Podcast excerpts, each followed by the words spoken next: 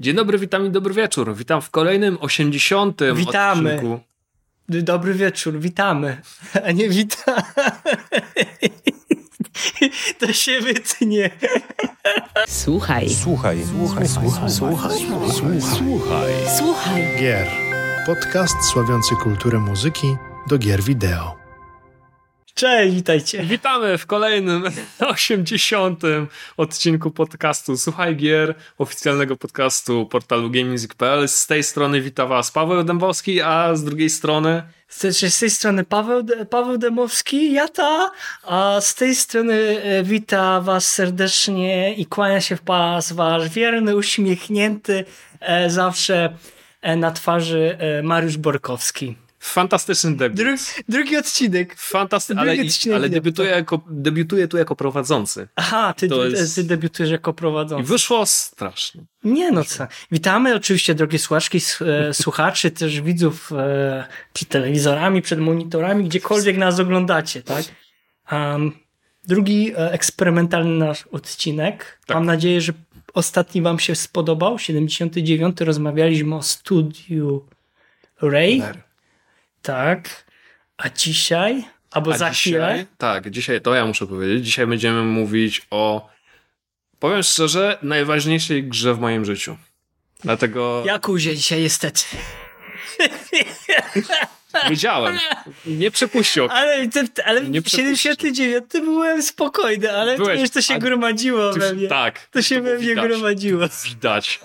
A, ale tak, e, Sirius, e, tak, będziemy dzisiaj mówić o najważniejszej grze w moim życiu, dlatego trzęsę się po pierwsze z nerwów, a po drugie, a po Jestem drugie, tobą, a po drugie dlatego, że jest zimno. W tym studiu jest trochę zimno niestety, ale musimy wytrzymać.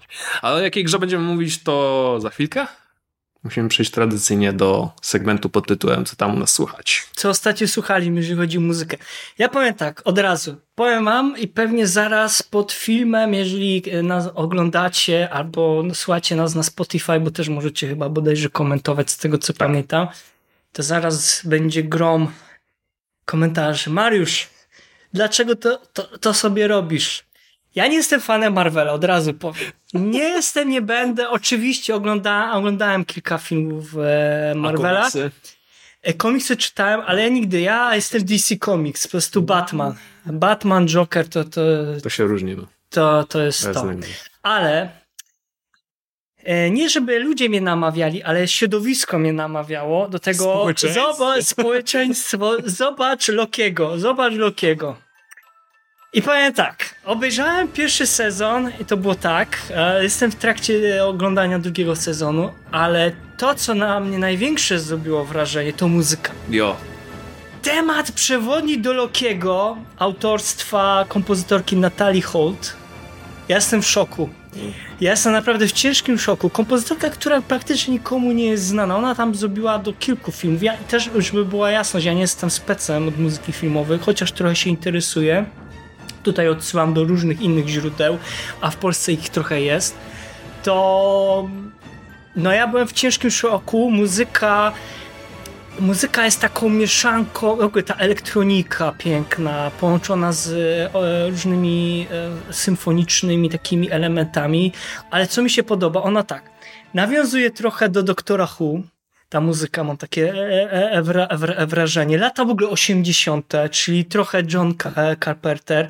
Dużo takiej właśnie elektroniki jakby z lat 80. W ogóle cała ta stylistyka tego to jest serialu. miks wszystkiego, ale to ma wyjaśnienie właśnie w serialu. Tak, naprawdę. tak, dokładnie to mam właśnie z serialu. Dlatego ja jestem pod ogromnym wrażeniem, że Marvel w końcu, a to w serialu, żeby było zabawnie, dostarcza naprawdę dobrą, dobrą muzykę. E, tą muzykę się miło słucha. Ja mam, ja jestem w stanie zanucić ten temat. To jest pierwszy temat z filmu, no oprócz wiadomo e, jeszcze innego tam tematu Avengersy. ale to jest pierwszy temat, który jestem, który mi się wiercił w głowę i jestem w stanie go po prostu zanucić. Jestem w szoku, totalnym jestem w szoku. To było to, co ostatnio słuchałem. Natomiast jeżeli chodzi o drugi album, myśmy chyba wielokrotnie o tym mówili, albo w którymś e, podcaście ja mówiłem, E, Ale wreszcie, wreszcie do moich rąk, się tutaj jeżeli nas oglądacie na, na YouTubie, to zobaczycie, do moich rąk w końcu wydanie winylowe Eastward e, te, traf, e, traf, trafiło. Nie wiem, czy dobrze. Będę zachwycał Pawła. No ba, święty. East, Eastward, e, dwupłytowe wydanie z muzyką oczywiście Joa. E, I powiem tak. Dalej uważam, że to jest jedna z niedocenionych ścieżek dźwiękowych. No, a szkoda. A, bo to znaczy fani tej gry i osoby, które słuchają muzyki do gier wideo docenią na pewno tą ścieżkę dźwiękową.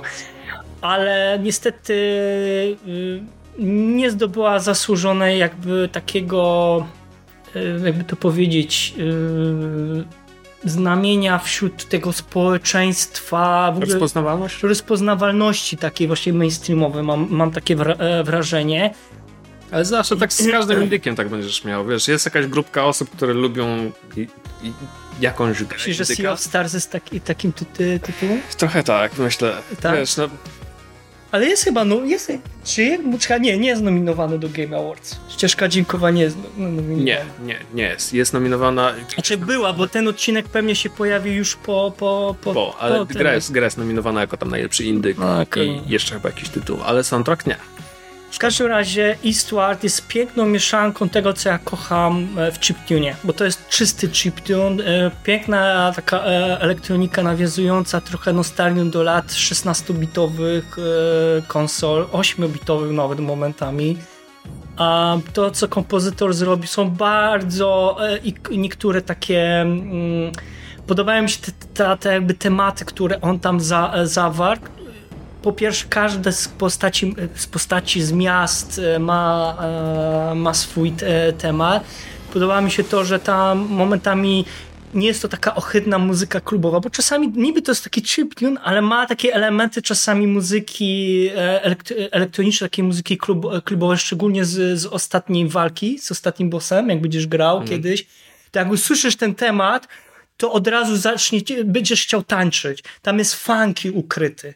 Muzyka funky jest, disco jest u, u, u, ukryte. Jezus. E, w ogóle jest, e, jest bardzo mroczna momentami też ta, ta muzyka, no bo sama gra nawet ma takie ele e- elementy. Naprawdę, ja miałem taki moment, że prawie uroniłem łzę, bo je, jest. Więc Ty jeszcze nie grałeś w ogóle, Ja Paweł. nie, to Ty w ogóle ty nie grałeś, to, to już... Znaczy jest zainstalowane, ale cały czas czekam na ten moment. Dobra, dość, dość o, o moich tych typach. Co u ciebie się kręciło ostatnio? U mnie, powiem szczerze, ostatnio dużo e, siedzę w Metal Gear Solid, bo wróciłem do tych tytułów, Mhm. bo zrobiłem sobie niespodziankę i sobie kupiłem tę kolekcję. A, wspierasz Konami. Wspieram Konami. Wspieram Konami swoimi pieniędzmi brudnymi, niestety. Ja jestem, ja jestem powodem, dla którego ta branża wygląda jak wygląda. tak naprawdę. Jesteś, ty, jak, jesteś tylko z Marvela, jak to się nazywał, ten fioletowy Thanos? Thanos. Jesteś takim Thanosem. Tak, e, powiem, szczerze, powiem to w ten sposób. Zawsze wolałem być częścią problemu niż rozwiązania. to, jest, to jest przykład, ale, ale Z powiem, kim ja pracuję? Ale y, dzięki temu wróciła mi też miłość do muzyki z MGS-a, którą po prostu uwielbiam. A odsłuchałem sobie, nie wiem, ileś razy. E, zresztą, no, to może, zoba- może zobaczyć. No tak. Mam oczywiście Snake'a na. Heaven Divide, tak? To była ta piosenka, e, e, br, ta Broni Burko, bo ona się jakoś tam nazywa. Ta, możliwe, Heaven tak, Divide. może tak. Heaven Divide. Pewnie tutaj zaraz piosenka poleci. Tak, więc jestem przygotowany jako, jako fan NGS-a, mam e, koszuleczkę, ale Przecież Peace Walkera jesteś. Tak, to jest z Peace Walkera, jak najbardziej, ale no niestety nie znalazłem nigdzie koszulki z Metal Gear Solid 4, y, ten 4 mówię 3. Ty jesteś fanem czwórki. Okej, dobrze. Bo to w złą stronę. W To, złą stronę. to, to, Prze- Wziąłem się przejęzyczyłem, Tak, no, po prostu. Nie widziałem nigdzie koszulki z MGS 3 i właśnie stamtąd e, odsłuchuję sobie cały czas soundtrack um, Harry'ego e, Gregsona Williamsa. No i plus jeszcze motyw główny. Jak wlatuje. Ale z czwórki mówisz czy z trójki? Z trójki. Z A, trójki. okej. Okej, tylko że... No okej, no dobra. Co? Nie, nie, nic, nic. Ja uwielbiam trójkę. Dla mnie nasz Też uwielbiam. trójka miała najlepszą ścieżkę dźwiękową z Nie, całej tak, sagi. Tak. Z całej sagi, ta, pierw, ta pierwotna trylogia, no tak. yy, Ta pier, pierwotna trylogia, z czwórki to było tak. Mm, nic nie pamiętam z czwórki. Z czwórki oprócz jednego... No, na, tak. na, gita na gitarę na samym początku. jest. Tak. Nie wiem. Znaczy może- tam jest kilka jeszcze takich bitem. Zrobimy tak, bo będziemy zaraz w dygresję. Nie. O Metal Gearze zrobimy oddzielną Trzeba. audycję. Tak, Trzeba. zrobimy. Pewnie, to- pewnie Paweł się za Ocelota przebierze, bo ma włosy tak jak Ocelot, a ja się Tak. pewnie za Snake'a przebiorę. O. I będzie Keep you waiting, huh? Ty powinieneś być tym. Co? E, otakonem. No. Tak onem. Aha. Dobra. Wziąłem, mu pocisnąłem, a jeszcze nie zaczęliśmy. te- Dobrze. Co, co słuchałeś oprócz Metal Geara? W sumie to tylko tak naprawdę to, bo Okej. MGS zajmuje mi mnóstwo czasu, chociaż jeszcze. E, to, ale to nie jest takie słuchanie, słuchanie, to jest raczej przesłuchiwanie e, muzyki, która występuje w Gran Turismo 7. Tam jest muzyka? E, Jest w menu głównym na przykład. Te, te klasyczne tematy. Tak, to bardzo klasyczne, to takie spokojne, taki, wiesz, no, taki lounge jazz, Mhm. ten, tak to się- ten, ten gatunek się nazywa. I po prostu mam słabość do tego, przyznam szczerze. Ze wszystkich Dla mnie, dla mnie muzyka z Gran Turismo się skończyła już na trójce niestety. Już później nie... piątka nie, nie wleciała. Ani czwórka, ani piątka. Piątka mi się... Pierwsza, druga, mi- trzecia część to są najlepsze ścieżki. Piątka jeszcze, mi się, piątka jeszcze mi się podobała. Może kiedyś też o Gran Turismo. No, Program w sumie warto, bo, Dajcie znać w komentarzach. bo Gran Turismo, Gran Turismo jakbym miał, jakbyś mnie zapytał 5 lat temu, jaka tam jest najbardziej kluczowa gra na PlayStation, to pewnie bym powiedział, nie wiem, e, Crash Bandicoot, no nie? Ale z racji tego, że Crash teraz pojawia się wszędzie, no to tak naprawdę w sumie Gran Turismo przejął to? Wszędzie się pojawia Crash Bandicoot. No jest na Muzyka? Switchu, jest A, na... okej. Mówię o grze. No, nie? Okej, ogromny. no, a jeśli chodzi o PlayStation, to w sumie Gran Turismo jeszcze trzyma. Ale tylko dlatego, że z Forcą się e, Okej. kłóci. Whatever. Whatever, dobrze. Słuchajcie, a dzisiaj będziemy, tak jak mówiłem, rozmawiać o najważniejszej grze w moim życiu, czyli o Chrono Trigger od e, studia Squaresoft. Ja Wtedy tutaj Squaresoft- pokazuję i niestety nasi słuchacze i słuchaczki nie są w stanie tego zobaczyć, chyba że nas oglądacie na Spotify albo na, na YouTubie. YouTubie. Pokazuję właśnie teraz pudełko z oryginalnym soundtrackiem. Original soundtrack. Eee, oryginalne wydanie. NSL. No i co? Tak, No, no. E, najważniejsza gra w moim życiu, tak jak mówiłem. Pierwotnie chciałem przynieść tutaj egzemplarz swojej gry z Chrono Triggera, ale A tak. jaki masz na DDS-a? E, powiem tak, nie mam, nie mam na SNESa. E, Na, ma, na, na Super Famicom. nie mam na SNESa. Nie mam na SNESa. Mam wersję na PlayStation, ale jest on w rodzinnym domu, więc go nie przewoziłem. Mam wersję na Nintendo DS, rzeczywiście. Okej. Ale e, coś mnie tknęło i sprawdziłem sobie tak dla zabawy, po ile teraz chodzi gra na e, Chrono Trigger po prostu na jakąkolwiek platformę. No nie? I tak patrzę, że Janusze na Allegro żądają wersję na D- za wersję na DS-a zgadnij ile. 1000 zł? Mniej, ale 700 spokojnie. Okej. No Także to musisz uzna- bardzo kochać tą grę, żeby tyle wydać. Do, tak. I bardzo ją kocham, bardzo uwielbiam, ale mój Boże, y, nie chciałem, nie chciałem brać, te, nie chciałem brać tej gry właśnie z tego względu, że jeśli bym, nie wiem, zgubił, uszkodził albo coś w tym rodzaju, no to nie wiem, co by To byś płakał To bym płakał bardzo. No. A jeszcze patrzyłem sobie na eBayu i też tam ceny są pojebane. Także dałem sobie spokój. Tak czy inaczej, e, Chrono Trigger to jest taki tytuł, który pokazał mi, czym są w ogóle japońskie RPG w ogóle. Bo ja wcześniej nie miałem z nimi w ogóle nic, nic do czynienia. Ale chyba też pod kątem muzyki ci pokazał. To tak, właśnie, że istnieje coś takiego jak JRPG, że istnieje coś takiego jak muzyka do JRPG, Mhm. a, no i w ogóle, że te gry mogą wyglądać i grać można w nie zupełnie inaczej niż to jest nie, na, na komputerze, no nie? Tak na, na komputerze masz te klasyczne RPG, nie wiem, strzelam teraz, Forta Baldura na przykład, to nie? Takie typowo mocno zachodnie, z zacho- pod zachodniego gracza i tu nagle pojawia ci się tytuł na konsoli, gdzie kurczę, jest RPG-iem, ale z czymś zdecydowanie innym. Mhm. Więc ja kiedyś, możliwe, że o tym mówiłem, jeśli nie, to e, powiem to teraz. Jeśli chodzi o najlepszą, najlepszego JRPG, JRPG, no to bym powiedział, że to jest Suikoden 2. Ale jeśli chodzi o najlepszą grę w ogóle, taką uber grę, która przebija wszystkie gatunki, przebija wszystkie gry, no to jest dla mnie Chrono Trigger tak naprawdę. Okej. To jest ten, ten, ten taki e, rodzaj relacji. No Opus Magnum w sensie. takie opus magnum, dokładnie. Jeśli i i również pod kątem właśnie muzyki, no nie? To jest to, co mówiłem w jednym z ostatnich e, podcastów, że są takie motywy, które jestem w stanie rozpoznać po, nie wiem, trzech nutach na przykład, no nie? W przypadku Triggera to jest właśnie tak jest w przypadku całego albumu. Ale jeszcze a propos mojej miłości do Chrono, e, Chrono Triggera, jak jeszcze 5-6 lat temu mieszkałem w Warszawie, e, poszliśmy z moją narzeczoną na Wielką Orkiestrę Świątecznej e, Pomocy i tam stoisko mieli komiksiarze najróżniejsi i tam e, siedział również e, Michał Śledził. O, wiem, już do czego zdążysz. Mhm. Więc podszedłem do niego i powiedział, że może narysować jakąkolwiek postać. I mogłem powiedzieć o wszystkim. Mogłem powiedzieć Pikachu, mogłem powiedzieć Mario, a mogłem powiedzieć jakąkolwiek. Albo z Jakuzy jakąś osobę. Wtedy nie znałem. Jeszcze nie znałeś Wtedy jeszcze nie znałem. A, ale wtedy powiedziałem sobie, chciałbym Froga. Świat nie wiedział, co traci. Chciałem Froga z Chrono Triggera i on wiedział. I on znał tę postać, w ogóle znał tę grę, tylko musiał znaleźć tam referencję, tak, Mm. żeby ją po prostu narysował.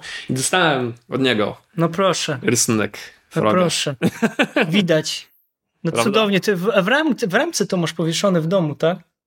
Chciałbym, żeby, wi- żeby to było w ramach. właśnie- No właśnie gdzie? No, Nie- no nie gdzie? Nad łóżkiem. Nad, Nie nad gdzie go- łóżkiem, nad głową małżonki.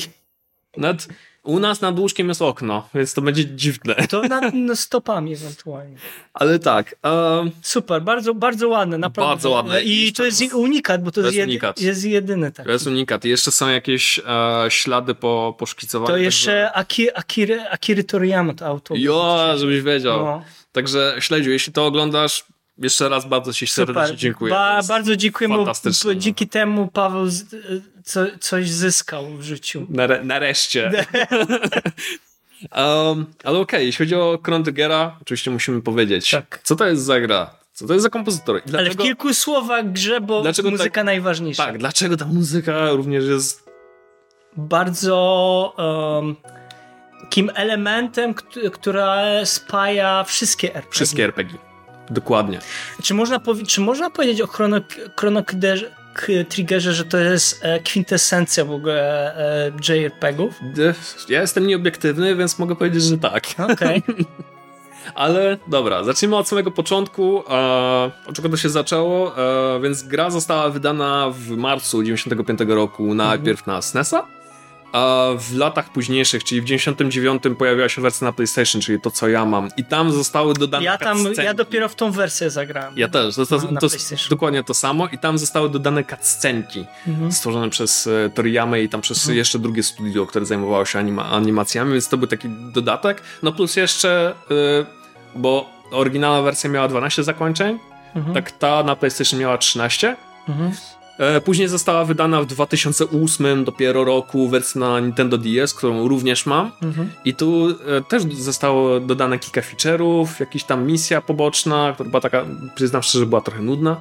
E, ale najważniejszy feature był taki, że miałeś drugi ekran, ten górny, służył Mhm. ci za mapę. Jeśli ją całkowicie odkryłeś, bo tam taki mały, mały procent był w, dolnym, w dolnym rogu, i jak odkrywałeś całą mapę, to dostawałeś nagrodę. Okej. Coś takiego było. I pamiętam, że pamiętam, że e, Yasunori Mitsuda, o którym też powiemy, był bardzo zadowolony, że ta część w końcu wyszła. Bo pamiętasz, że e, wersja na SNES-a i PlayStation była jakoś tak dziwnie wydane, że nie była ona wszędzie dostępna. I Nintendo DS nie dość, że e, e, ta wersja Nintendo DS nie dość, że pojawiła się dosłownie wszędzie i ten Ja konsolek nie pamiętam, czy była europejska w ogóle edycja Chrono. Pamiętasz? była. Była. Była, była, była wydana. Więc e, na szczę- nareszcie, wiesz, Chrono Trigger wszedł już dosłownie wszędzie, a biorąc pod uwagę to, że Nintendo DS no również było chodliwą konsolą i praktycznie każdy Chyba dalej najlepiej sprzedająca się Najle- konsola. tak, tak. Jeszcze, bo jeszcze. Switch- jeszcze Switch ją dogania. Switch dogania, ale nie wiem, czy przygo. Też mi się nie wydaje. No i dzięki temu e, ta gra w końcu dotarła do większej rzeszy ludzi. Później jakoś między 2011 a 2012 pojawiła się na mobilkach, na iOSie i Androidzie, no to mm, okej. I e, w 2018 pojawiła się wersja na PC-tach. Okej. I to było to, zło. To, to ja to przemilczę, to może. Przemilczymy. To jest dosłownie, i ja to powiem, bo pamiętam tę premierę i, ta, i to było dosłownie przeniesienie gry mobilnej na PC-ta w skali 1 do 1 i to było jakimś jednym wielkim nieporozumieniem. E, I naprawdę, gra dostała joby za jakość, za wygląd, za wszystko tak naprawdę. Ale okej, zaczęło się od tego, że Um, wiadomo, mamy nową generację już tak naprawdę konsol, trzeba wydać kolejnego e, JRPGa. Wtedy jeszcze mamy ten podział Squaresoft i Enix. Squaresoft, który ma na swoim koncie Final Fantasy, Enix, który ma Dragon Questa. No i tutaj już dochodzimy do takiego mm, powolnego spajania tych światów tak naprawdę, bo e, Hinorobu Sakaguchi, czyli osoba, o, główny ojciec e, Final Fantasy, Reżyser ogólnie tego. tak jest, został głównym, design, e, został głównym designerem, no i e, ściąga Avengersów w jedno miejsce dosłownie, nad grą, nad nową, zupełnie nową grą em, pracowało jakieś 50-60 osób w Square, w czym oprócz Sakaguchiego pojawił się e, Yuji Horii jako jeden ze scenarzystów. Yuji Horii już ma za sobą pięć chyba odsłon Dragon Questa, jeśli dobrze pamiętam, więc no to już jest to już jest To połączenie świadczy światów. o czymś. To już o Biorąc pod uwagę, że Dragon Quest jeszcze. Właśnie nie pamięta. Znaczy, nikt z nas chyba, jeżeli chodzi o nas Mhm. teraz, nie pamięta tego czasu, jak e, trzeba byłoby sprawdzić, ewentualnie poszukać liczby, zobaczyć, Mhm. jak e, Dragon Quest, a jak z e, Final Fantasy pod kątem sprzedażowym Wydaje mi się, w że, Japonii. wydaje mi się, że Dragon Quest Był Wyżej. wyżej, wyżej. wyżej. Mhm. To inaczej wygląda niż w Europie. Ale, Ale ale Final robił za dużą konkurencję, nie? Jeśli, taki mały off-top, jeśli e, mówić, jakie RPG były najpopularniejsze w Japonii, no to bym powiedział, że to jest Dragon Quest, Final Fantasy i Megami Tensei. Ale o tym kiedy indziej powiem. kiedy, kiedy indziej. No i mamy również na pokładzie Akiry Toriyamy, czyli twórca mangi. Ojca. Ojca, założyciela Dragon Balla, który robił tam charakter designera. Jeden z najlepszych kresek chyba w historii po- japońskiej animacji. Tak. Ja, ja bym go stawiał. Znaczy, nawet nie chodzi o, o, o jakość, tylko o oryginalność na, z- ze studiem Ghibli. Mhm. E, Hayao- Miyazaki bym chyba Mhm. bym stawiał ich, ich na, na, na, na... Chociaż e, Toriyama no, bardziej, no, bardziej akcja, no nie akcyjna. Tak, tak, tylko że bardziej chodzi mi o kreskę, że Mhm. stworzył Swój oryginalną, własny, oryginalny, tak. tak. Jak zobaczycie, jak zobaczycie postaci, czy nawet grafiki te e, postaci, które są wyświetlane w e, Chrono Triggerze, no to kurde wiecie. od to jest- razu, że to jest Toriyama. Tak, Tak, no i mamy również... e, Sygnatura to jest tak, taka. Tetsuya e, Takahashi, który już wcześniej pracował e, przy grach z Final Fantasy, również tam odpowiada za grafikę. No i również oczywiście Yasunori Mitsuda, czyli e, muzyka z drobną pomocą e, Nobu Ematsu, ale o tym powiem, bo tutaj się kryje historia. Tak, czy ogólnie dla, dla Mitsudy to było trochę być albo nie być. To było być, nie być, ale W sensie- o tym, o tym za powiemy, chwilę to jest będziemy, ta, no. w ogóle historia Mitsudy przy tej grze, No. w ogóle jego historia kariery jest po- porąbana pod tym, Tak. pod tym kątem, ale ten za chwilkę. No i oczywiście zbiera się stado Avengersów i wymyślają, jaką tu nową grę Mhm. stworzyć. No już widzimy, że te dwa światy, Final Fantasy i Dragon Quest się łączą, czyli no, widać, że no, nie idą po, po kosztach, czyli ściągają do siebie dosłownie śmietankę japońskich artystów, Tak. nie tylko jeśli chodzi o gry, ale również o audio i wizualia. A więc no, widać, że chcą stworzyć coś dużego i ma się tam pojawić wątek podróży w czasie. I ma zostać pokazane to, w jaki sposób to, to co robimy w przeszłości, ma mieć Ma wpływ, wpływ na, na to, to. tak, e, jak to, e, co będzie się działo w przyszłości i przez to mamy. Ja nie wiem, czy to nie była taka pierwsza gra w japońskich RPG, co tak bardzo mocno no, wprowadziła. Bo Chrono Trigger się jeszcze grubo przed e, tym pojawił, Dragon Questem 7, a w Dragon Questie 7 był podobny typ. piątce, Piąt, a, masz rację. piątce, ale jeszcze Piątce. piątki chyba nie było. O, tego Musiałbym, nie... przy, musiałem sobie przypomnieć, ale nie, rzeczywiście, e, Masato Kato, on to był jeden ze scenarzystów, zwrócił uwagę na to, że ten wątek podróży w czasie nie jest nowy. Mhm. On już pojawił się wcześniej w mediach i obawiał się, że że to może być nudne, że to Mhm. może być nieświeże i tak dalej, ale koniec końców uznali, robimy to jednak, no nie? No plus jeszcze y, musieli postawić na questy poboczne, gdzie mm, nie są to questy takie na zasadzie przynieś, podaj, pozamiataj, tylko w pewien sposób opowiedzą historię postaci pobocznych, Mhm. czy tam pobocznych, raczej tych głównych postaci, no nie? Czy to nie jest, e, czyli jak masz postać Glena, czyli Froga, no to widzisz, jak on ma historię, no Tak. nie? I rozwiązujemy jego, jego quest. Mamy robo, e, robo tego Ty, robota. ty, ty, tak, dokładnie. A, mamy Robo, e, który też ma jakąś tam historię i też e, opowiada się je, jego, jego story i to też ma wpływ na to, jak e, później się e, gra mm, kończy. No gra powstaje, gra zostaje wydana i historia, początek, sam historii. Tu się, za, tu się, tu za, się zaczyna. Saga. Tu Tu się zaczyna, to zaczynają się porąbane rzeczy. Mamy rok tysięczny. Główny bohater, czyli Krono, e, młody chłopak z malutkiej wioski, wybiera się na, e, na festyn z okazji e, roku milenijnego. Tam poznaje Mary, o której nie wie, że jest księżniczką w królestwie i udają się razem na nie na halę, Boże, na e, Ale w sensie te, są te maszyny, co? E, tak, e, oni tak, wybierają się tam na, na, to, na ten festiwal milenijny, bo jego przyjaciółka dzieciństwa, czyli Tak. Luka i jej ojciec, e, tworzą maszynę do teleportacji. I pierwszy test wypada pomyślnie. od razu mi się przypomina film Mucha. co się może... Właśnie, więc pierwszy test wypada pomyślnie, ale później przychodzi Mary i, próbuje, i próbują na e, żywym człowieku przetestować to e, urządzenie.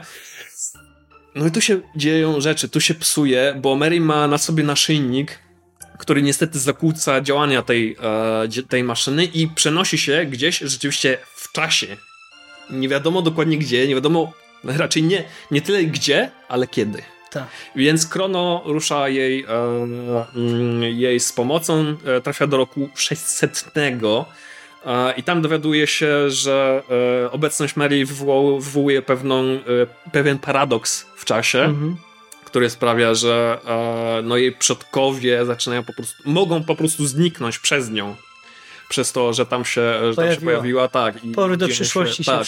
Dokładnie. Tam się dzieją różne rzeczy, więc Krono przy pomocy Luki, która również trafia do roku 600, e, sze- e, 600 i przy pomocy Froga, czyli Glena, czyli e, m, rycerza takiego Najlepsza z misją, postać. najlepsza postać, najbardziej romantyczna postać. Tak. E, ratują Mary, e, trafiają z powrotem do swoich e, czasów, no i na miejscu Krono zostaje aresztowany. E, pod zarzutem porwania e, księżniczki i nie tylko. Tam miał być jeszcze Ta, bo jest ale później proces ma jakiś. proces tam. ma, ale no, o tym procesie nie mówię, bo te rzeczy się dzieją. To jest po prostu jeden wielki tutorial, tak naprawdę. To- To właśnie na tym, w tym procesie jest pokazana mechanika tego, Mhm. no nie? że to, co robiłeś rzeczywiście w przeszłości, ma wpływ na to, co się dzieje później. I to jest fenomenalnie pokazane. W ogóle ten cały festiwal jest jednym wielkim Mhm. tutorialem, Mhm. ale ta najważniejsza, najbardziej kluczowa mechanika to się pojawia właśnie w tym dosłownie, w tym dokładnie momencie, ale whatever. Krono e, dostaje wyrok, taki konkretny pod tytułem, no dostaje pan tam trzy dni więzienia, ale ten kanclerz, ten doradca króla uznaje, że Krono e, powinien dostać karę śmierci. Więc e, Krono trafia do więzienia e, i później ma trafić na szafot, e, ale przychodzi mu z pomocą Luka. E, uciekają razem z więzienia i razem z Mary trafiają do roku 2300. Czyli trafiają do bardzo odległej przyszłości, gdzie widzą, że ten cały świat jest rozwalony, Taka zniszczony. apokalipsa, Mad, Mocno. ma, ma, ma, taki ma, Mad Max. To nawet nie jest Mad Max. Nie? Wiesz co, Mad Max to jeszcze mimo wszystko widać, że się dobrze bawią, a tutaj no nie ma, nie ma czegoś takiego. Tu widać, że jest jedna wielka depresja. Ludzie tam głodują, umierają, są otoczeni jakimiś yy, stworami i tam na miejscu dowiadują się, co zostało, e, co było tego powodem. Tego powodem jest stwór z kosmosu zwany Lavos, który e, trafił na Ziemię wiele milionów tak naprawdę lat, lat temu i on zastygł w, w środku Ziemi.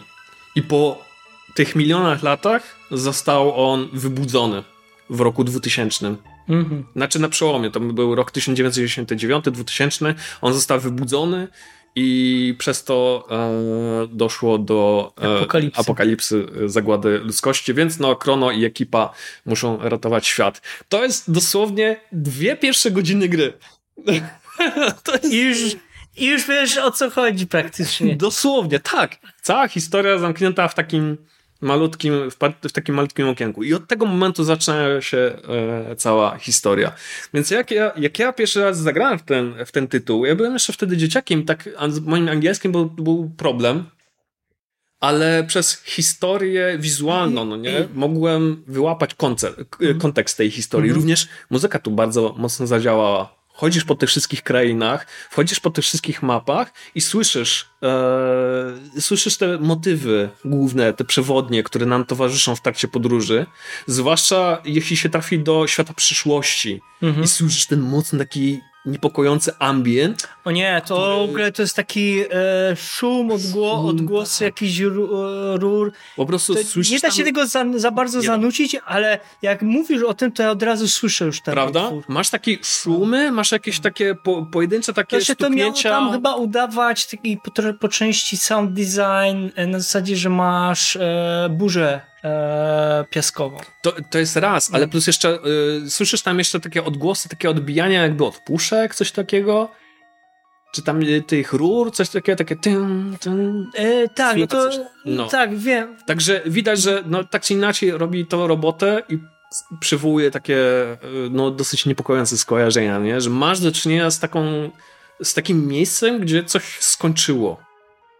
Ale to jest jeden utwór, a mamy tych utworów od naprawdę cholery. Znaczy nie takich podobnych. Nie takich podobnych. Tak, tylko mamy, że- ich, mamy dużo, dużo, dużo po prostu takich utworów, które y, idealnie opisują cały świat Chrono, Trigger. Ale może, nie wiem, zanim przejdziemy o, do opowiadania tych utworów i może swoich jakichś przemyśleń, nie wiem, chciałbyś coś jeszcze Właśnie- o kompozytorze Bardziej, bardziej właśnie chciałem ciebie zapytać, jak No. ty to właśnie, jak ty pamiętasz Chrono Triggera generalnie? Ja czy ja powiem w skrócie, no bo też szkoda by było, żebym poświęc- żebyśmy poświęcali ten nasz czas na to, żebym ja opowiadał, bo możliwe, że mało kogo was interesuje.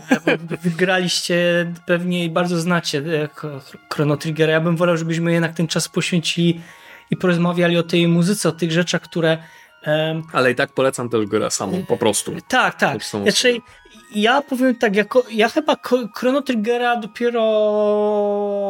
To znaczy, ja wiedziałem, że jest coś takiego jak Chrono Trigger, to znaczy jak ja się zacząłem interesować e, Yasu, Yasunori Mitsudą, Yasu, Yasunori Mitsuda chyba u mnie zaczął się od Xenogearsa dopiero, właśnie nie od Chrono Crossa, u niektórych właśnie z Chrono Trigger był Chrono Cross, u mnie Xenogears, tak więc ja z wysokiego C bardzo zacząłem, bo Xenogears ma em, z tych wszystkich gier, do których e, napisał muzykę Mitsuda, ona ma bardzo poważny ton. Mhm. E, Tam jest mało takich głupowatych e, te, tema, tematów, oprócz tam takiej powiedzmy innej rasy postaci, może nie będę mówił. E, natomiast e, jak ja zacząłem Xenogearsa grać, to ja od razu chciałem poznać więcej, więcej chciałem wiedzieć o tym kompozytorze. To zazwyczaj tak jest, jak w przypadku przynajmniej osób, które interesują się e, muzyką do gier, jak już poznają jakiegoś kompozytora, który im wpada w ucho, to chcą usłyszeć, do czego innego stworzył. No i się później człowiek okazuje, że tak naprawdę nie Xenogears, ale Chrono Trigger to jest największe dzieło Największe, e, tak. On sam o tym mówi, że to jest No. jego największe, najlepsze dzieło No mówią- i mnóstwo osób w sumie na Dużo świecie. też osób wspomina o tym, że Chrono Cross też jest dla nich. Mi się wydaje, że to chyba Mm. też że zależy od tego, w jaką pierwszą grę zaczniesz. To jest tak samo jak z Finalem. Ktoś zaczął od ósemki, a i później, nie wiem, przychodził kolejne odsłony i to zawsze ta ósma odsłona będzie na, na najważniejsza pod kątem muzycznym i pod wieloma innymi względami. Ja sądzę, że u mnie było troszeczkę inaczej, bo ja bardzo sobie cenię muzykę do Xenogearsa, ale tak jak w twoim przypadku, dla mnie osobiście Chrono Trigger e, to jest najlepsze dzieło e, Mitsudy. Ja mam też ogromny sentyment do Chrono, do Chrono Crossa, ale to, co zrobił w Chrono, Chrono Triggerze, e, no to z mojej perspektywy, jako osoby, która grała wtedy właśnie na, play, na PlayStation i pamiętam, że pierwszy raz e, gr- e, grałem i jak zobaczyłem już te tematy, które siedzą w, e, w grze i zacząłem już kojarzyć niektóre, no bo ja przesłuchałem wcześniej tą ścieżkę dźwiękową, to powiedziałem, no to fajnie. Frog Team to mnie zmiótł dosłownie z powierzchni ziemi, w sensie z, o, z obrazem od razu. Właśnie, ale to chciałem też powiedzieć, że to jest to jest, To jest ciekawe, że... to jest na- ten soundtrack, którego za, choler, za ciężką cholerę nie jestem w stanie oddzielić od obrazu. Ale to jest coś próbował. inaczej, bo da pomyśl sobie na przykład dla tych ludzi, którzy grali wersję oryginalną na SNESa Mhm.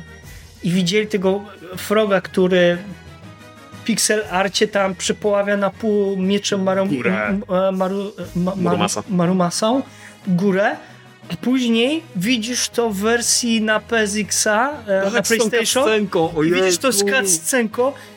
Ja za, za każdym razem, jak widzę ten, ten ob, obraz, to nie ja dostaję ciarki. Tak. Dosłownie, nawet jak teraz mówię o tym, to, to dostaję ciarki. To jest niesamowite, e, jak e, Akira Toriyama stworzył e, obraz pod, pod muzykę. Pod muzykę Mitsudy. Tak. No, to jest po prostu...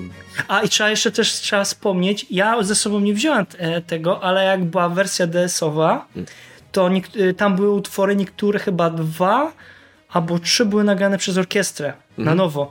I jak kupowa- kupowaliście wersję w Japonii, e, tą 3DS-ową, to był mini soundtrack dołączany na innej płycie, gdzie były te, te dwa, dwa utwory.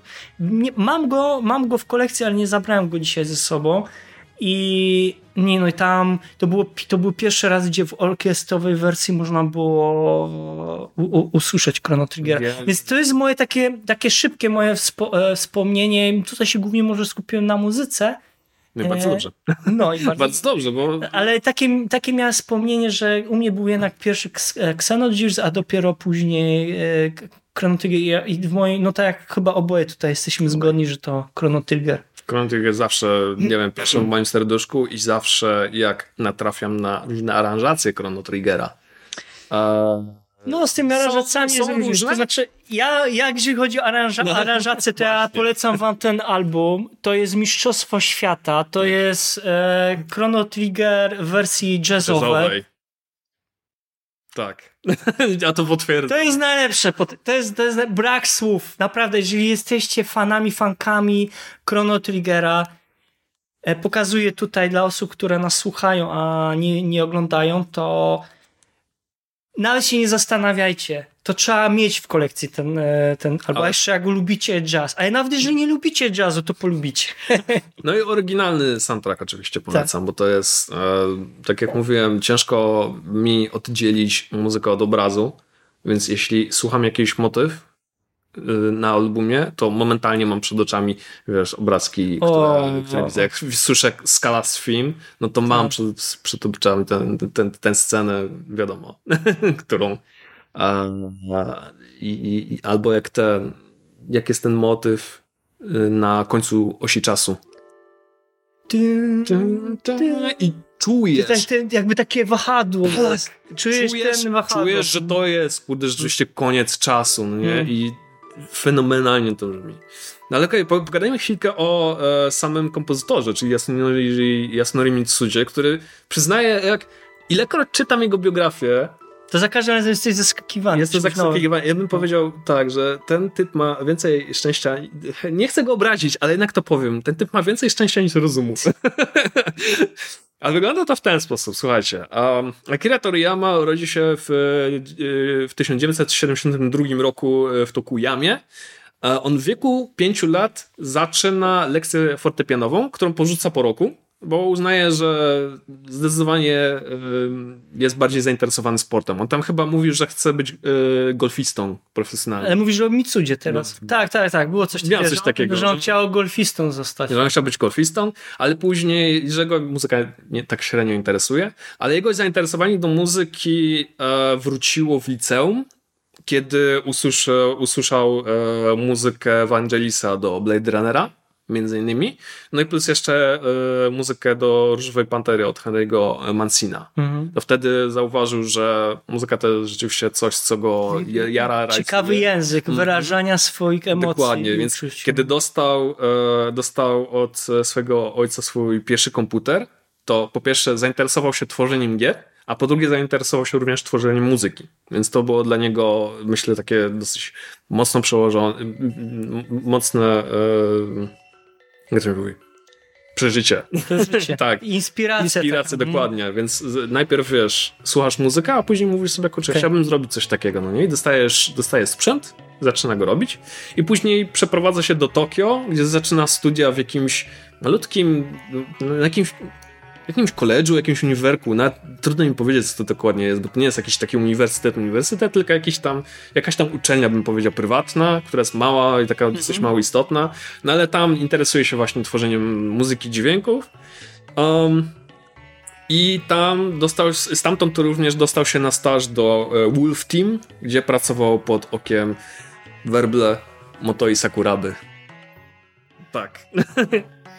um, Więc zaczyna uczyć się pod, e, pod jego okiem tego, jak tworzyć muzykę, jak tworzyć dźwięki generalnie w ogóle, tak? Bo Sakura... On, on głównie zaczynał e, Mitsuda jako ogóle sound designer. Tak, e, czy tam sound designer, czy inaczej się to nazywa sound producer? Sound effects. Sound effects producer, coś takiego, ale generalnie no, jest to sound designer. Dzisiaj byśmy powiedzieli sound designer, tak? Zresztą te, w game devie te nazwy to są porąbane, a wszystko Każdy tak sobie jest- zmienia jak chce. A wszy- wszystko jest tak naprawdę to samo. E, Oj nie, bo nie obrażajmy, wiesz, bo tutaj za- zaraz ruszą myśl, jest, jest, a, jest, a, ogólnie się mówi audio, ale się później to dzieli na różne segmenty. Nie, nie. Ale okej. Później e, Mitsuda natrafia na ogłoszenie, że firma Squaresoft szuka e, pracowników. Wysłała tam próbkę swojej twórczości. I tak jak wspomina, e, mówił o tym, że jego rozmowa rekrutacyjna, w której udział brał e, sam, e, e, sam Uematsu, mówił, że wspomina to jako katastrofę. Dosłownie mówi, że to, jest, to było jakieś nieporozumienie, że wspominał, że wspomina podczas tej rozmowy, No. że on nie traktuje tej, tej pracy poważnie, tylko jako taki kamień milowy w swoim CV, że to jest Aha. jego, jego ma, ma to być jego drabinka do jego kariery. No i że, i to chyba jest największy grzech. Powiedział, że on nie grał w, za dużo w gier od Square, w tym Final Fantasy. I czekaj, Więc i, i, i oni już byli po, chyba po pięciu odsłonach? pięciu odsłona. No fajne, Więc wiesz, Czyli jak, byli przed szóstą, tą taką tak. milo, jedną z najbardziej przełomowych. Więc jak przychodzi, więc czujesz, przychodzisz do firmy Square i mówisz, wiecie co, w sumie to w wasze gry nie gram. I, i mówią mu, spoko, pracuj z nami.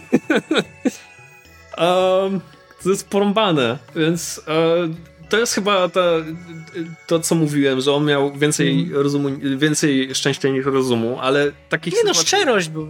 nie, był szczery, jasne. No. Lep, lepsze to niż świrować, że o jasne, znam pańską twórczość, w ogóle studiuję i czy mogę polizać panu stopy. No nie.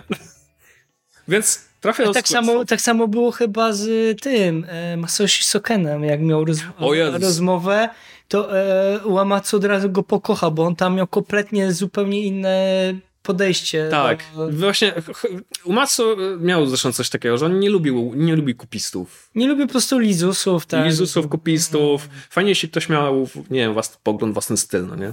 Więc myślę, że to właśnie zadecydowało o tym, że Mitsuda trafił do Square, gdzie e, zaczął pracę jako sound producer przy Final Fantasy V, Romancing Saga, Saga 2, no i Secret of, Secret of Mana. tak. I później mamy rok 94, a Mitsuda wprost e, jest... Ma już dosyć. Ma dosyć. Jest, nie, jest niezadowolony bardziej ze swoich zarobków. Więc poszedł do e, Sakaguchiego i wbił do niego po prostu do biura i zagroził, że jeśli Square e, nie pozwoli mu komponować muzyki, do której z gier, to po prostu odejdzie. Ciekawe, czy to w dzisiejszych czasach tak się dzieje. Myślę, że nie. Myślę, że byłoby, gdyby zrobił to dzisiaj, to by mu Sakaguchi po prostu pokazał drzwi. Tak mi się wydaje. Nie wiem, ja mi się wydaje, że oni chyba mieli wtedy bardzo dużo, dużej wolnej ręki autonomii niż teraz, bo teraz to jest ogro, ogromna korporacja, tak. która ma duże struktury i Tam dyrektor dyrektorem pogania tak, Tak, naprawdę, to znaczy- a tam po prostu możesz wbić do Sakaguchiego E- i powiedzieć, ej, chcę zrobić ci powie, no pewnie są, jest takie, y, mm, jakby to powiedzieć, y, to, że ludzie na przykład bardzo otwarcie podchodzą do twoich, jakby, twojego punktu Mhm. myślenia i wizji i to bardziej cię cenią, że jesteś jednak taką jednostką, która chce być częścią drużyny, niż jakąś sztuczną inteligencją. inteligencją, tak, No. to, miałem to na myśli. Tak. Ale okej, trafia, e, okej, Sakaguchi mówi, okej, będziesz tworzył muzykę i od razu go e, ładuje do e, bardzo głębokiej wody, mianowicie ma stworzyć muzykę do e, Chrono Triggera i Sakaguchi mi powiedział, że jeśli stworzysz coś dobrego, to wtedy twoje, twoja pensja pewnie trochę wzrośnie, no nie? Trochę, trochę się chyba z niego nabiło, ale whatever. Powiedz mi, czy ma, idziemy w dobrym kierunku, bo nam się czas powoli... Idziemy, idziemy w dobrym kierunku. Bo tak Już jeszcze my, myśl... Właśnie, to jest, ta, e, to jest ta historia właśnie z e, Chrono Triggerem, więc trafia do Chrono Triggera i wprost mówi o tym, że chciałby stworzyć muzykę z takiego baśniowego, e, która pasowałaby do takiego konkretnego gatunku, trochę baśniowy, Mhm.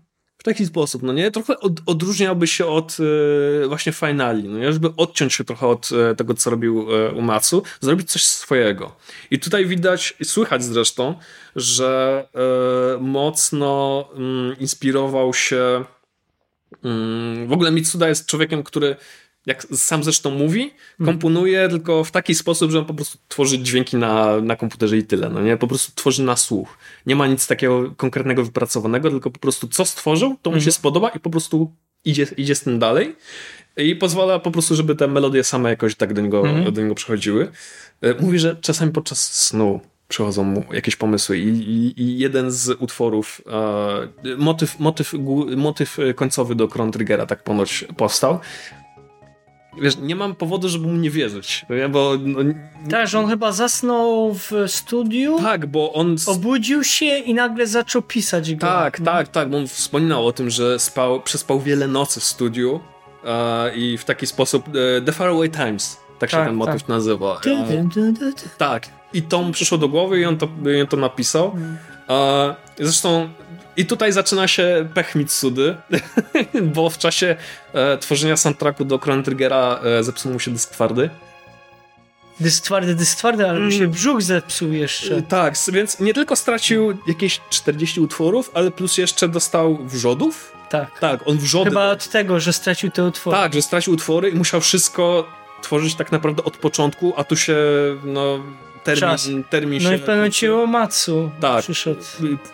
Czy to on poszedł do Umatsu i go poprosił? Chyba on go poprosił o pomoc. Tam z, z stworzeniu jakichś e, ostatnich e, motywów. Tam, ale tam jeszcze była jedna osoba, która napisała temat e, je- bitewny. To chyba był Noriko Matsueda. Mhm, tak, No. tak. Więc no, Mitsuda no, nie miał tak lekko, zwłaszcza pod koniec produkcji, ale koniec końców e, cóż, Chrono Trigger okazał się dużym sukces, sukcesem. Cały soundtrack e, był Sukcesem, bardzo ale też tak, ale tak naprawdę już prawie gwoździem do trumny dla Mitsudy, a szczególnie pod kątem powoli wypalenia się w Squaresoftie. No bo e, je, jeszcze dla Xenogears, jak pisał Mhm. muzykę, to jeszcze pod Squaresoft, Tak. a po, po Xenogearsie już chyba odszedł i założył swoje własne. Tak, bo to, to wyglądało tak, że tworzę muzykę z, e, do Chrono Triggera. Oczywiście inspiruje się muzyką jazzową i folkową, co w ogóle Ale folkową jaką? E, irlandzką. irlandzką, więc Tak. w ogóle znikąd tak naprawdę ten gatunek. Mm, I on, on był przeciwny temu, żeby. Może nie tyle przeciwny, ale on nie był fanem tego, żeby robić taki soundtrack taki półorkiestrowy. tak jak to robił Mitsuda. Nic. Znaczy nie Mitsuda, tylko Uematsu. Uematsu. Uematsu, tak, tak. Uematsu robi takie, Uematsu. takie około orkiestrowe rzeczywiście, że jak słuchasz, to masz te, te, te, te y, narzędzia, chciałem powiedzieć, te instrumenty, które kojarzą się z orkiestrą. Mitsuda powiedział, że nie, czegoś takiego nie będzie robił. On jest minimalistą pod Tak. tym kątem. I to słychać rzeczywiście, że on, y, no nie chcę powiedzieć, że idzie półśrodkami, ale raczej y, nie wykorzystuje nie wiadomo ilu instrumentów, żeby stworzyć jakieś zajebiste dźwięki. Mhm. I widać, że, że ma do tego talent, rzeczywiście. Jak słuchasz e, Chrono Triggera, to nie masz rzeczywiście tej- orkiestry, masz takie dźwięki MIDI, ale no kurde, jednak robią robotę, jednak budują ten no, świat. słuchaj, Roboteam e, jest na przykład e, przykładem, że to jest taka muzyka popowa, tak? Jest. No. Zresztą jeszcze chciałem a propos tych wpływ, wpływów, że mów- mówiliśmy o jazzie, o folku tym irlandzkim, ale również są tam jakieś y, motywy indyjskie. Jakieś A, jest. E, ja wiem nawet o jakich. Mhm. e, Z tym miastem, co jest w, nie, w niebie. Tam jest taki. e, taki e, Tak, tak, dokładnie. taki jest motyw. Dokładnie to. Bardzo charakterystyczny. Bardzo mi się on podoba. Plus jeszcze jakieś japońskie flety. Dużo tych takich.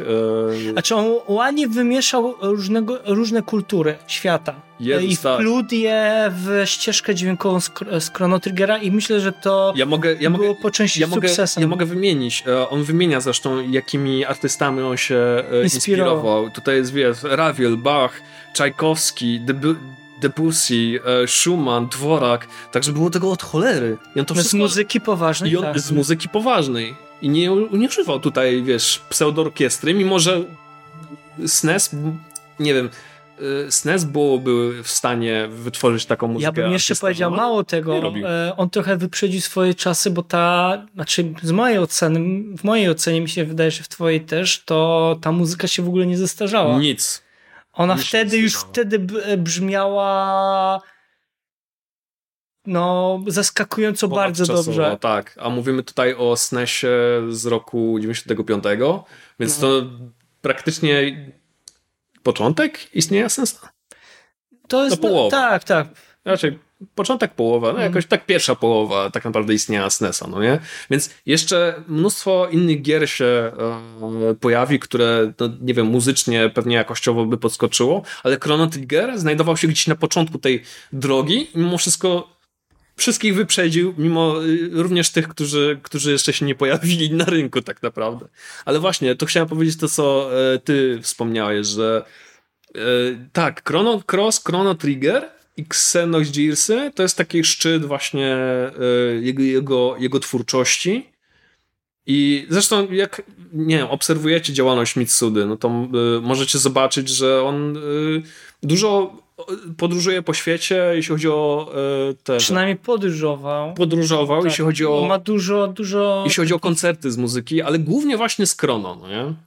Tak naprawdę. A mimo wszystko ma na koncie Xenogearsy, ma Mario Party z 98, co mnie po prostu rozwaliło. Ma kilka, no Xenosaga na przykład. Luminous e, Ark, Soma Bringer na DS-a, który Tak. ja uwielbiam, przyznaję. Xenosaga, I ostat... Nazuma Eleven, cała seria, Tak. również anime. Xenoblade Chronicles z ostatniej, tak, z z dwójka i SM i dwójka. z Esrim Hirmatsu i tak dalej.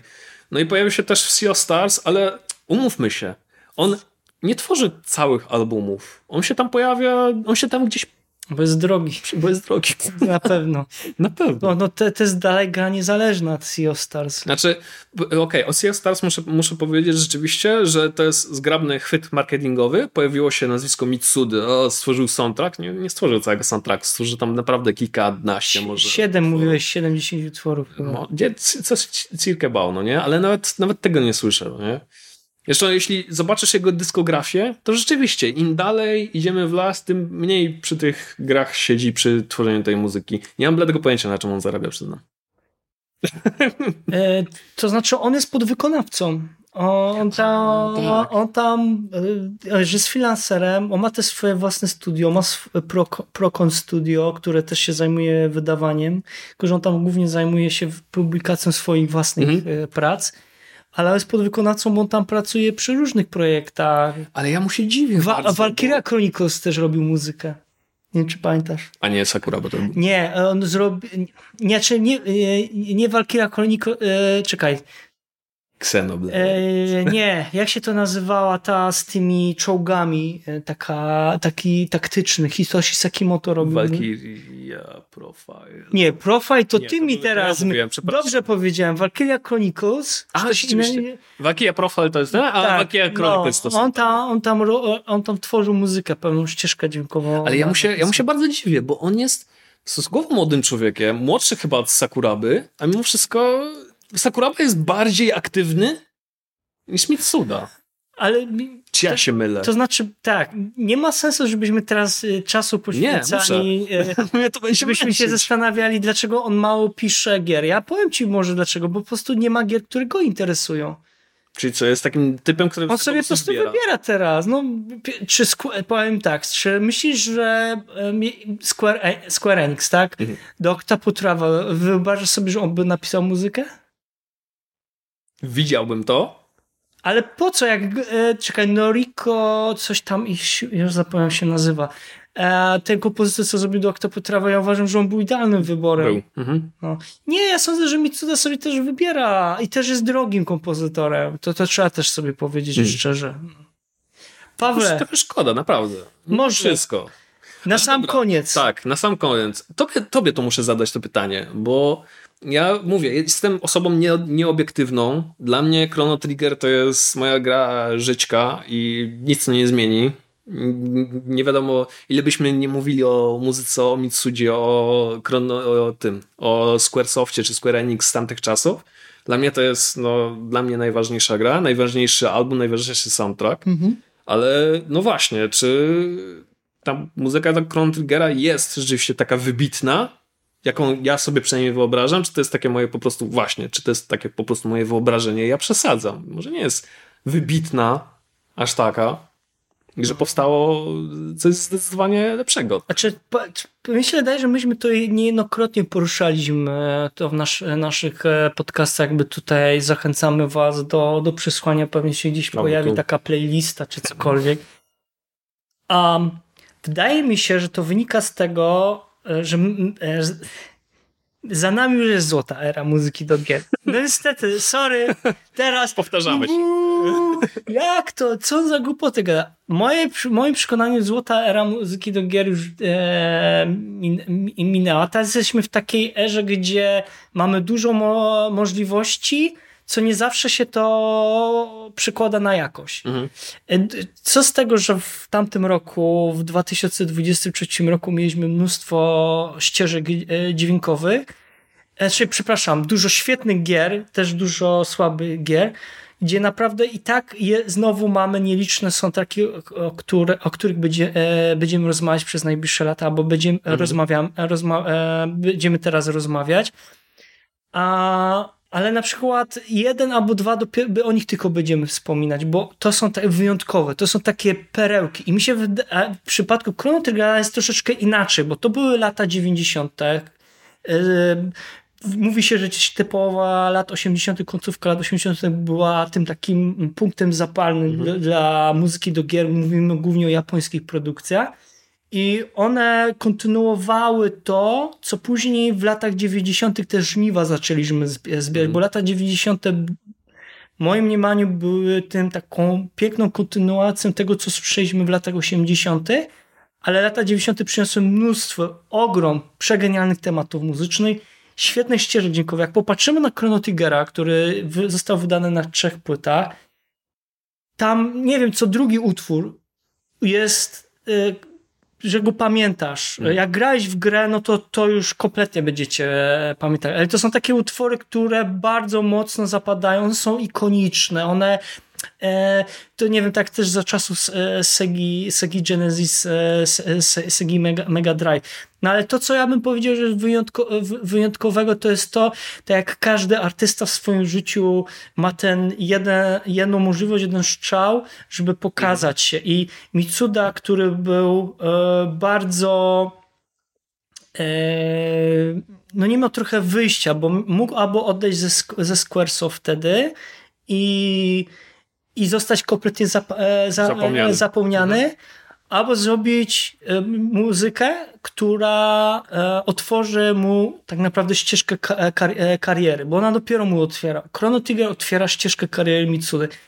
Um, tylko też sobie trzeba powiedzieć szczerze, ciężko mi ocenić, czy wtedy, kiedy ta gra wyszła i ścieżka, czy nagle wszyscy zaczęli mówić o Mitsudzie, zaczęli mówić o ścieżce dźwiękowej. Śmiem w to wątpić. To znaczy, pewnie czasu potrzeba, bo nie wiem, z, z dwóch, może z roku, nie wiem, aż tak się nie, nie, nie, nie, nie, nie zagłębiałem w historię, ale jakby zamykając to i dając taką klamrę, jeżeli chodzi o to, co jest wyjątkowego w muzyce do Triggera, to co wy, wyróżnia od pozostałych ścieżek dźwiękowych, to na pewno zupełnie inne podejście do tworzenia muzyki do japońskich gier, a szczególnie do japońskich RPGów. E, Bo to, co powiedziałeś, że on nie chciał, żeby to była kolejna jakaś e, Żeby, pseudo... po, żeby, nie, żeby nie powielał tych samych schematów. Czy to nie była kolej, kolejna jakaś kopia muzyki poważnej? On po prostu chciał stworzyć na podstawie różnych innych. Zresztą nie był pierwszym kompozytorem, bo Yuzo Koshiro też e, robił takie ścieżki dźwiękowe, ale on chciał zupełnie coś innego niż to dotychczas było wtedy e, w japońskich RPG. On chciał zupełnie inny, inną jakość muzyki pokazać tym, czym się in- interesuje, w sensie swo, swoje, swoje jakby zainteresowania, chciał przelać na, na tą ścieżkę dźwiękową. I mi się wydaje, że to jest w tym wyjątkowe. Nie, mu się to po prostu udało. A to tylko dopowiem jedną rzecz, że jest jeszcze jedna taka różnica między tymi czasami a tamtymi. Mianowicie, że wtedy wychodziło troszkę mniej tych gier, więc łatwiej było im się wybić trochę e, To wyżej. na pewno. No, a dzisiaj tych gier wychodzi w ciągu roku, boże, jakieś tysiąc, więc wyłapać stamtąd coś, co zwróciłoby twoją uwagę, no to jest, jest, to jest duże wyzwanie. Jak nie masz dobrego marketingu, to zginąłeś. No, to się zgadzam. Bardzo się cieszę, że omówiliśmy w końcu, W końcu. ten temat. Tak, Będziesz mógł spać spokojnie. będę mógł spać spokojnie. Możesz odhaczyć na harmonogramie naszym. A ten harmonogram mamy naprawdę duży No. i mamy dużo jeszcze do omówienia. Mam nadzieję, że w tej formie, bo jest naprawdę, nie wiem, nawet nawet mnie się podoba. No, mi się też podoba. Słuchajcie, dajcie znać w komentarzach. e, Jeżeli nas oglądacie, to w komentarzach dajcie znać, czy taka forma wam się podoba, bo mamy naprawdę z Pawłem kilka fajnych pomysłów z redakcją też. Też, żeby rozwinąć tą formułę po, podcastu, chcemy zapraszać e, również gości, pokazywać wam płyty, może płyty, które pewnie będzie można też wygrać przy okazji, dlatego Dokładnie. bardzo was zachęcamy do słuchania i do subskrybowania nas na Spotify, na, na Apple Podcast się nie, w sumie nie subskrybujesz, ale na pewno na, na YouTubie i na pewno wszelkiego rodzaju dzwonki, niedzwonki, e, lajki dislajki. Bardzo. Wszystko pomaga jakby dotarciu do nowych osób. Jeżeli uważacie, że to, co my mówimy, ma jakikolwiek sens, że nie gadamy głupot i warto byłoby się też to podzielić z kimś innym, no to tym bardziej e, doceniamy i dziękujemy wam, że, że jesteście tak więc obecnym też patronom dziękujemy. E, dziękujemy też za datki na. Um, no i co, Pawle? Chyba ten 80 odcinek można uznać za... Ja go będę kończył. A ty będziesz go, no bach, kończ. Niech to będzie mój debiut. To nie będzie- Chociaż, chociaż początek był słaby, to może chociaż zakończenie będzie lepsze. Słuchajcie, a jeszcze raz bardzo dziękujemy. To był 80. odcinek podcastu Słuchaj Gier, oficjalnego podcastu portalu gaming.pl.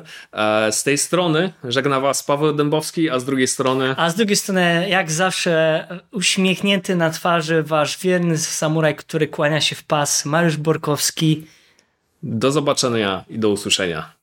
Trzymajcie się. Słuchaj, Słuchaj, słuchaj, słuchaj, słuchaj, słuchaj, słuchaj. słuchaj. Gier. Podcast sławiący kulturę muzyki do gier wideo.